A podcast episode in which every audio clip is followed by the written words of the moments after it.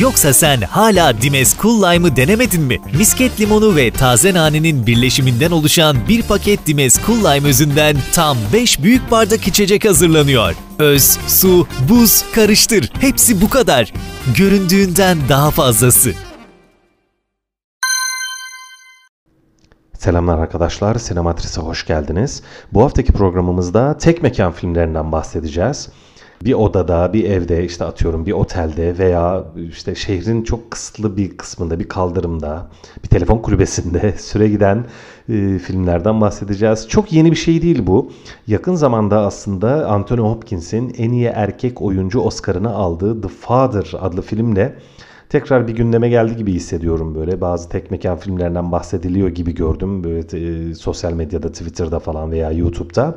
The Father'da bir evin içerisine geçiyor. Tek bir mekanda geçiyor denebilir. Çok büyük bir çoğunluğu. Buna benzer sinema tarihinde birçok film var. Çok da iyi filmler var. Gerçekten çok da iyi filmler var. Ve bu filmlerin de belli bazı ortaklıkları var. Size hem türe girebilecek, bu alt türe girebilecek birkaç filmden bahsedeceğim, birkaç film önerisinde bulunacağım. Hem de bu türün biraz ortaklıklarından bahsetmek istiyorum.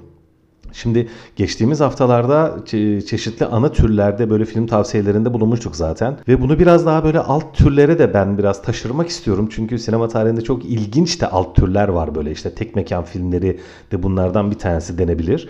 Bu filmlerin belli ortaklıkları oluyor, belli güzellikleri oluyor. Hani sinema dünyasına hem sanat hem sinema sanatına hem de sinema zanaatine diyelim. Gişe sinemasına da yani böyle geleneksel sinemaya da güzel katkılar yapıyor bu alt türler ve dediğim gibi tek mekan filmleri de bunlardan bir tanesi. The Father filmiyle yani son güzel örneklerinden bir tanesi karşımıza geldi. Şimdi ilk söylenişinde aslında insana biraz sıkıcı geliyor değil mi? Tek mekanda geçen film yani bir odada geçiyor, bir evin içerisinde geçiyor. Yani ne olabilir? Ne kadar sürükleyebilir? İster istemez insanı biraz sıkar gibi düşünüyoruzdur belki de. Bazı sinema sever arkadaşlar öyle düşünüyor olabilir. Hayır arkadaşlar değil. Bu filmlerin de hani tek mekanda süre gitmeyen hani bu türe girmeyen filmlere göre bazı avantajları oluyor. Bazı güzel tarafları oluyor. Bunlardan da biraz bahsetmek istiyorum. Şimdi tek mekan filmlerinde arkadaşlar görsel olarak şimdi hani sinemanın bir metin tarafı var, bir senaryo tarafı var, karakterleri var, öyküsü var, ne anlattığı var, meselesi var. Bir de işin görsel tarafı var değil mi? Şimdi görsel tarafına ister istemez bu filmler çok da zengin yaklaşamıyorlar gibi düşünüyor olabilirsiniz ama öyle değil. Şöyle ki sinemadan görselliğini biz sinemanın görsel tarafını da iki ayrı alt başlık altında ayırıyoruz.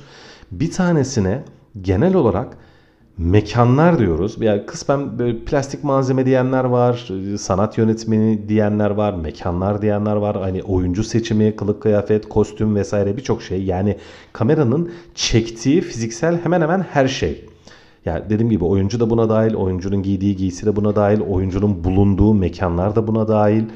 Hani e, mimari yapı da buna dahil, doğa görüntüleri de buna dahil vesaire birçok şey. Kameranın çektiği her şey. E bir de sinemanın teknik tarafı, kamera tarafı, görüntü tarafı, fotoğraf tarafı var, efekt tarafı var, renk tarafı var vesaire. Yani bu görselliği de ikiye ayırmak lazım. Bu noktada şuraya yani dikkatinizi çekeceğim. Bir filmin tek mekanda süre gidiyor olması yani birden çok mekan bize çok böyle zengin coğrafyalar, bambaşka mimariler, kostümler, ortamlar, işte saraylar atıyorum, işte şelaleler, okyanuslar sunmuyor olması görselliğinin fakir olduğu anlamına gelmiyor. Çünkü yönetmenin en büyük sorumluluklarından bir tanesi aynı zamanda aslında kamerayla az çok bağlantıda olan diyeyim böyle. Yani görüntü yönetmeni, işte hani fotoğrafçı, kameraman veya efektçi veya renkçi gibi birçok teknik dallardaki e, insanın sinemada çalışan esas odaklandığı şey kameranın kendisi ya da kameranın herhangi bir nesneyi, herhangi bir objeyi, oyuncuyu, mekanı nasıl çektiği oluyor ve aslında tek mekanda geçen filmler görsel olarak gayet de özenli, dikkatli, çok böyle teknik olabiliyorlar gerçekten. İnanın ki sadece bir odada bir yönetmenin neler yaptığına böyle şaşırabileceğiniz sinema filmi örnekleri var. Programda birazdan bahsedeceğim onlardan.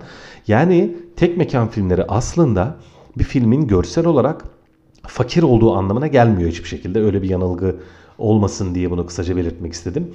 Ve tek mekan filmlerinde de aslında bazı şeylere en azından yönetmenin ya da yazarın diyelim senaristin odaklanmak istediği şeylere çok daha ayrıntılı, çok daha böyle derinlerine inerek bize anlatması olanağını veriyor tek mekan filmleri. Çünkü birçok mekana gidip farklı farklı yerlere tanıtmanız gerekmiyor izleyiciye.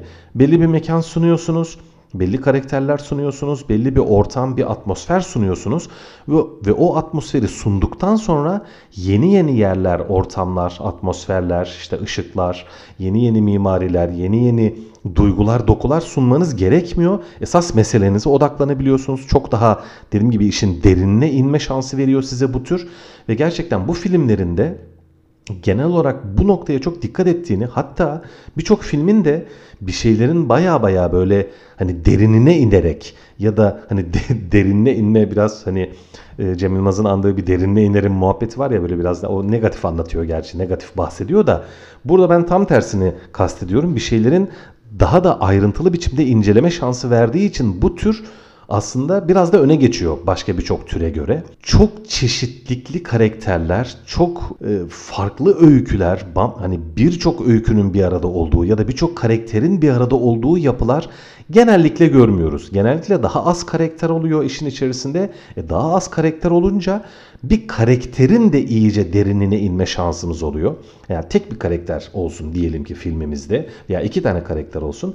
Siz sadece iki tane karakterin öyküsüne, kişiliğine, tabii ki karakterine odaklandığınızda o karakterin çok daha böyle zihninin veya geçmişinin daha da derinliklerindeki bazı gerçekleri, duyguları, olayları, olguları, eylemleri inceleme ve onlar üzerine fikir yürütme şansı elde ediyorsunuz. Bu da güzel bir şey. Bu da bu alt türün bize hani en azından bazı örneklerinde daha fazla sunduğu ve e, bulduğu alt türlerden bir tanesi. Şimdi bu filmler deyince sinema tarihinde akla birçok film geliyor dediğim gibi ama bence en kralı, en güzeli, en yani benzersizi diyeyim en önemlilerinden bir tanesi ki zaten sinema tarihinin de gerçekten en önemli filmlerinden bir tanesidir bilenleriniz vardır. 12 Kızgın Adam arkadaşlar 1957 tarihli bir film bu 12 Kızgın Adam. Ee, Sidney Lumet'in yönettiği ki Sidney Lumet'in de ilk filmi bu. Yani bir ilk film olarak 12 Kızgın Adam'ı yapmak nasıl bir ustalıktır, nasıl bir güçtür, nasıl bir sanatçılıktır arkadaş ya insaf yani yani Sidney Lumet bu filmi yani ilk sinema filmi olarak çekti. Ondan önce televizyon yönetmeniydi. Televizyona yaptığı bazı işler var ama o kadar iyi bir film ki 12 Kızgın Adam. Dediğim gibi sinema tarihinde de benzeri yok. Sinema tarihinin en iyi filmleri listelerinde hep böyle adı anılır. Mutlaka adına anılır. Birçok e, sinema seçkisinde vardır. IMDb'de yani Internet Movie Database hani dünyadaki en büyük sinema sitesi. E, bu arada sinema siteleriyle alakalı da ayrıca bir program yapmak istiyorum size. O konuda da e, sunmak istediğim bazı öneriler var. IMDb'nin e, Top 250 listesi vardır yani bu bayağı meşhur bir listedir. Birçok yerde adı geçer böyle. Hani e, sinema tarihinin, sinema dünyasının da nabzını tutan sitelerden biri olarak da onun en iyi hani filmler listesi zengin de bir liste yani 250 değil mi? 250 hiç fena bir rakam değil. 250 filmlik listesinde 5. sırada bu arkadaşlar bu film. Çok değerli bir film, çok önemli bir film. Çok kısaca öyküsünden bahsedeyim. E, film bir mahkeme salonunda başlıyor. E, mahkemede artık hani yani bir genç bir çocuk bir cinayetten yargılanıyor. Artık bütün hani taraflar sunacaklarını sunmuş, kanıtlar, deliller her şey ortaya dökülmüş ve 12 kişilik bir jüri bir odaya kapanacak ve hani o ana kadar konuşulanlardan, sunulan kanıtlardan, e, tarafların iddialarından yola çıkarak bu çocuğu hani cinayetten yargılayacaklar ya da yargılamayacaklar falan. Hani 12 tane jüri üyesinin bir odada mahkemenin sonuçlarını konuşmalarını anlatıyor bize. Birkaç saatlik bir olay zaten hani film toplamda tam hatırlamıyorum süresi de çok uzun değildi zaten. İşte bir buçuk saatlik falan bir film yaklaşık. Hani orada atıyorum 5 saat 8 saat daha da fazla olduğunu zannetmiyorum lık bir konuşma hani jüriler arası yapılan tartışmaları falan bize anlatıyor. Bu kadar basit bir film. Tek bir odada masanın çevresinde geçiyor. Yani hani tek mekan filmleri sıkıcı olabilir gibi algılayan sinema sever arkadaşlar olabilir dedim ama ne sıkıcısı arkadaşlar. Yani bu filmin başına geçin. Nasıl bittiğini anlamayacaksınız bence. Öyle ben ilk izlediğimde bile öyle oldum ama hadi ben biraz daha eski filmlere böyle siyah beyaz filmlere falan biraz daha aşinayım genel izleyici kitlesine göre. Ama hani bu filmi izlemek isterseniz belki böyle ilk bir 5-10 dakikasında ya hani çok eski yüzlü görünebilir size. Hani eski film e, neticede filmin hani hem teknik yapısı hem görsel algısı falan günümüz filmlerine göre biraz daha böyle mütevazi görünebilir ama Hiç öyle bir şey yok. Dediğim gibi bir 10-15 dakikayı atlatırsanız hani o ilk şeyi bir e, o yabancılaşma hissini bir atlatırsanız nasıl sürükleyip gittiğini bilemeyeceksiniz gerçekten. Nefis bir film, harika bir film ve dediğim gibi tek mekan filmlerinin en güçlü örneklerinden bir tanesi. Bana göre en güçlü örneği o zaten. Tek mekan filmleri üzerine hani söylediğim hemen hemen her şeyi barındırıyor. Yani bu filmi izleseniz tek mekan filmi nasıl olur rahatlıkla anlayabilirsiniz. Hemen birkaç tane daha örnek vereyim. Örneğin 1954 yapımı Alfred Hitchcock'un Rear Window filmi, arka pencere filmi. Bu da çok güzel bir örnektir. Çok da iyi bir filmdir. Yoksa sen hala Dimes Cool Lime'ı denemedin mi? Misket limonu ve taze nanenin birleşiminden oluşan bir paket Dimes Cool Lime özünden tam 5 büyük bardak içecek hazırlanıyor. Öz, su, buz, karıştır. Hepsi bu kadar. Göründüğünden daha fazlası. Yani burada bir karakterimiz var, fotoğrafçı bir karakterimiz. Bir kaza geçirmiş, tekerlekli iskemlede bir süre yaşamak zorunda. Hani evinde oturuyor, hiçbir şey yapamıyor, sıkılıyor böyle dürbünle camdan dışarı falan bakıyor, sokağa bakıyor, karşı evlere bakıyor falan ve hani görüş alanındaki evler, apartmanların dairelerinden bir tanesinde bir cinayet işlendiğini görüyor ya da gördüğünü zannediyor. Öyle söyleyeyim. Alfred Hitchcock tabii sinema tarihinde hani gerilim türünü ortaya çıkarmış ve hani bütün kurallarını, alfabesini yazmış bir sanatçı olarak, sinemacı olarak zaten e, böyle bir öyküye ilgi duyması çok normal ki Arka Pencere de tek mekan filmleri içerisinde böyle en çok aklımıza gelen, en bildiğimiz, sevdiğimiz filmlerden bir tanesidir. Yine tek mekan filmlerine yakın zamandan 2007 yılında nefis bir örnek katıldı. Yani şeye bu 12 Kızgın Adam'la da çok paralelleştirildi. Çok benzeyen bir film. Hani öyküsü aynı olmasa da yapısı çok benziyor.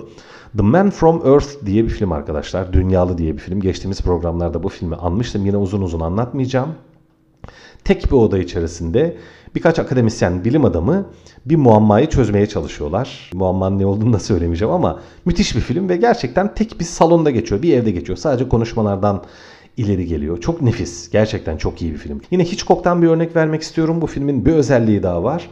The Rope arkadaşlar. İp aslında tam çevirisiyle ama bizde işte ölüm kararı diye e, anılıyor daha çok. DVD'de veya video dükkanında falan gördüğünüzde bu isimle göreceksiniz. DVD'sinin üzerine bu isim yazıyor. Ölüm kararı diye. Bu da çok ilginç. E, Alfred Hitchcock'un gerilim sinemasını tanımlarken kullandığı çok güzel bir benzetme vardır. Hani gerilim sineması nedir? İşte bir masada iki kişi oturur. Masanın altında bir çantada bomba vardır ama masada oturanların o bombadan haberi yoktur. Hani gerilim sinemasını yaklaşık olarak böyle özetliyordu büyük usta Alfred Hitchcock. Bu da ona benzer bir film. Bir, bir evde küçük bir parti verilecek, misafirler gelecek ve e, odadaki bir sandığın içerisinde ya daha doğrusu bu e, şeyi veren, misafirliğe veren ev sahibi kişi birini öldürmüş ve cesedini sandığın içerisine koymuş. Ve oraya misafirler geliyor o gün. Tam işte ha işte sandıkta bomba var ya da bir ceset var. Hemen hemen aynı kapıya çıkıyor. Yine tek mekan içerisinde geçen bir film. Ve bir de şöyle bir olay var. Drop filminin, ip filminin ilginç taraflarından bir tanesi şu.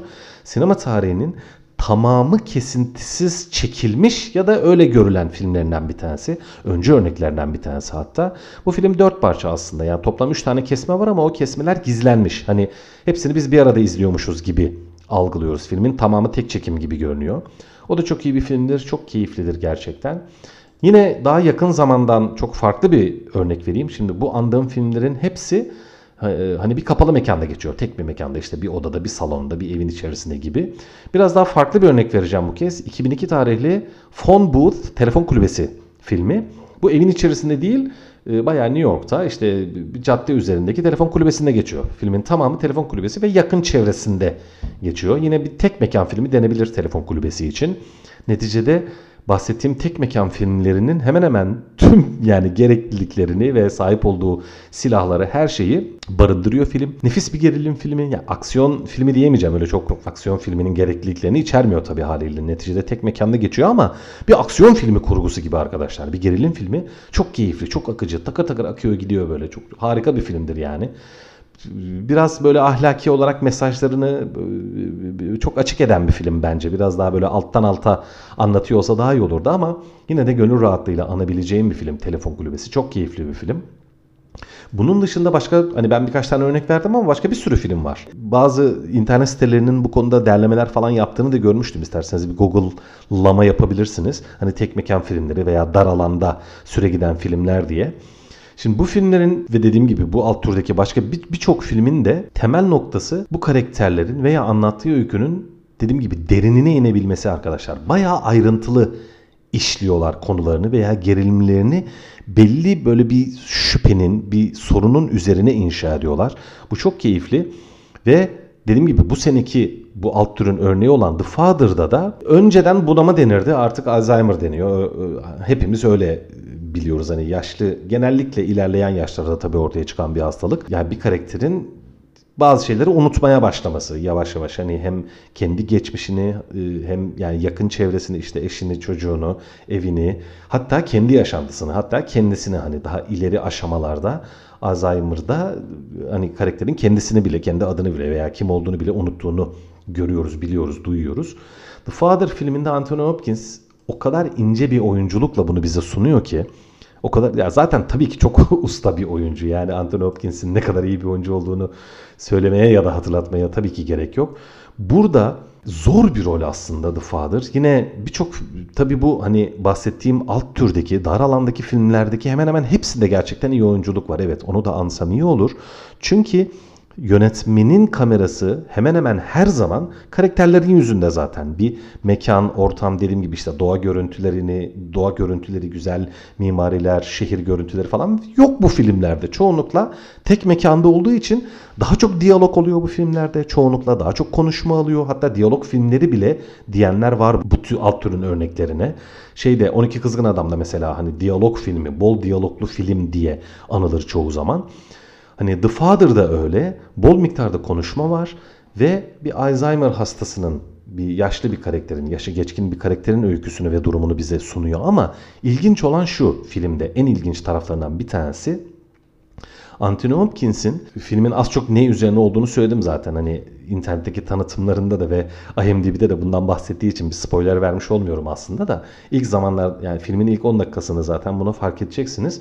Şöyle bir sıkıntı var ki normal şartlarda karakterlere bu kadar odaklandığında kamera çoğunlukla oyuncular hani abartılı demeyeceğim ama biraz daha böyle yüksek oynama ya da olan biteni sadece oyuncularla yönetmen bize verebildiği için oyunculardan biraz yüksek performanslar alma çabasına girdiğini görüyorum ben yönetmenlerin. Genellikle bu var. Yani Hitchcock filmlerinde de var, bahsettiğim telefon kulübesinde de bu var. İlla böyle bir oyunculukların patladığı, böyle çok öne çıktığı anlar oluyor bu filmlerde. İlginç biçimde arkadaşlar da Father filminde Anthony Hopkins böyle bir oyunculuk sunmamış. Böyle biraz daha yüksek oynadığı böyle abarttığı hani abartma diyemeyiz aslında tadında diyebiliriz. Hani hani biraz daha yüksek oynadığı falan anlar var ama ilginç olan şu arkadaşlar. Bir karakter ne kadar sarsıcı bir deneyim yaşarsa oyuncunun bizi bize o sarsıcı deneyimi küçük oyunculuklarla vermesi gerçekten çok hayranlık uyandırıcı bir şey. E, Nomadland'den bahsetmiştim. Yılın Oscar galibi. Hani orada Frances McDormand o da en iyi kadın oyuncu Oscar'ını aldı zaten. Orada mesela ya o bunu çok iyi başaran bir oyuncu mesela. Hani yüksek duyguları, sarsıcı duyguları küçük oyunculuklarla bize verebilen bir oyuncu. İşte bence Anthony Hopkins de bu tek mekan filminde The Father'da, Baba'da tam olarak bunu yapmış. Dediğim gibi yükseldiği anlar var ama filmde karakterin dramını içerisinde bulunduğu duyguyu bize çok güzel veriyor gerçekten. Çok nefis veriyor ve o tek mekan filminin e, ihtiyaç duyduğu o derin karakteri, o üzerine hani bir buçuk saat boyunca hani onunla geçireceğiz zamanımızı. Neredeyse film durmadan tek bir karaktere odaklanıyor. O kameranın kendisine fazlaca yakınlaşması ve odaklanması durumunu öyle güzel kaldırıyor, öyle güzel bize sunuyor ki o karakteri. Ya gerçekten izlemesi çok çok keyifli, çok nefis bir oyunculuk vermiş ve bence böyle dar alan filmlerine, tek mekan filmlerine çok güzel bir katkı yapmıştı Father filmi ve Anthony Hopkins'e bu türün, bu türün gerektirdiği diyeyim en azından oyunculuğu bize böyle en güzel örneklerinden bir tanesini vermiş gerçekten. Ben keyif aldım filmden. Yani bir başyapıt olduğunu düşünmüyorum böyle çok olağanüstü, çok muhteşem bir film olduğunu düşünmüyorum ama iyi bir film olduğunu düşünüyorum ve hani Anthony Hopkins'in de ya Anthony Hopkins'in filmden daha iyi olduğunu düşünüyorum. Öyle söyleyeyim. Hani sadece Anthony Hopkins'in o ince performansını, o keyifli performansını incelemek için bile Baba filmini izleyebilirsiniz. Ve hem andığım filmlere yani bir göz atmanız çok keyifli olur sizin için. Tek mekan filmlere özeldir çünkü sinema tarihinde. Hem de böyle farklı farklı tek mekan filmlerini de keşfetmek isteyebilirsiniz. Belki hoşunuza gidecek farklı örnekler karşınıza çıkacaktır. O nedenle yani tek mekan filmleri gerçekten sinema tarihinin böyle biraz kendine has, böyle kendine özel tatlar barındıran, böyle güzellikler barındıran ve güzelliklerin de başka türlerde çok da göremediğimiz, çok da göremediğimiz türlerden, alt türlerinden bir tanesi arkadaşlar. Müsait olduğunuzda, fırsat bulduğunuzda bir tek mekan filmlerine göz atmanızı öneririm. Evet bu haftalık bu kadar. Önümüzdeki hafta görüşmek üzere. Teşekkürler. Yoksa sen hala Dimes Cool Lime'ı denemedin mi? Misket limonu ve taze nanenin birleşiminden oluşan bir paket Dimes Cool Lime özünden tam 5 büyük bardak içecek hazırlanıyor. Öz, su, buz, karıştır. Hepsi bu kadar. Göründüğünden daha fazlası.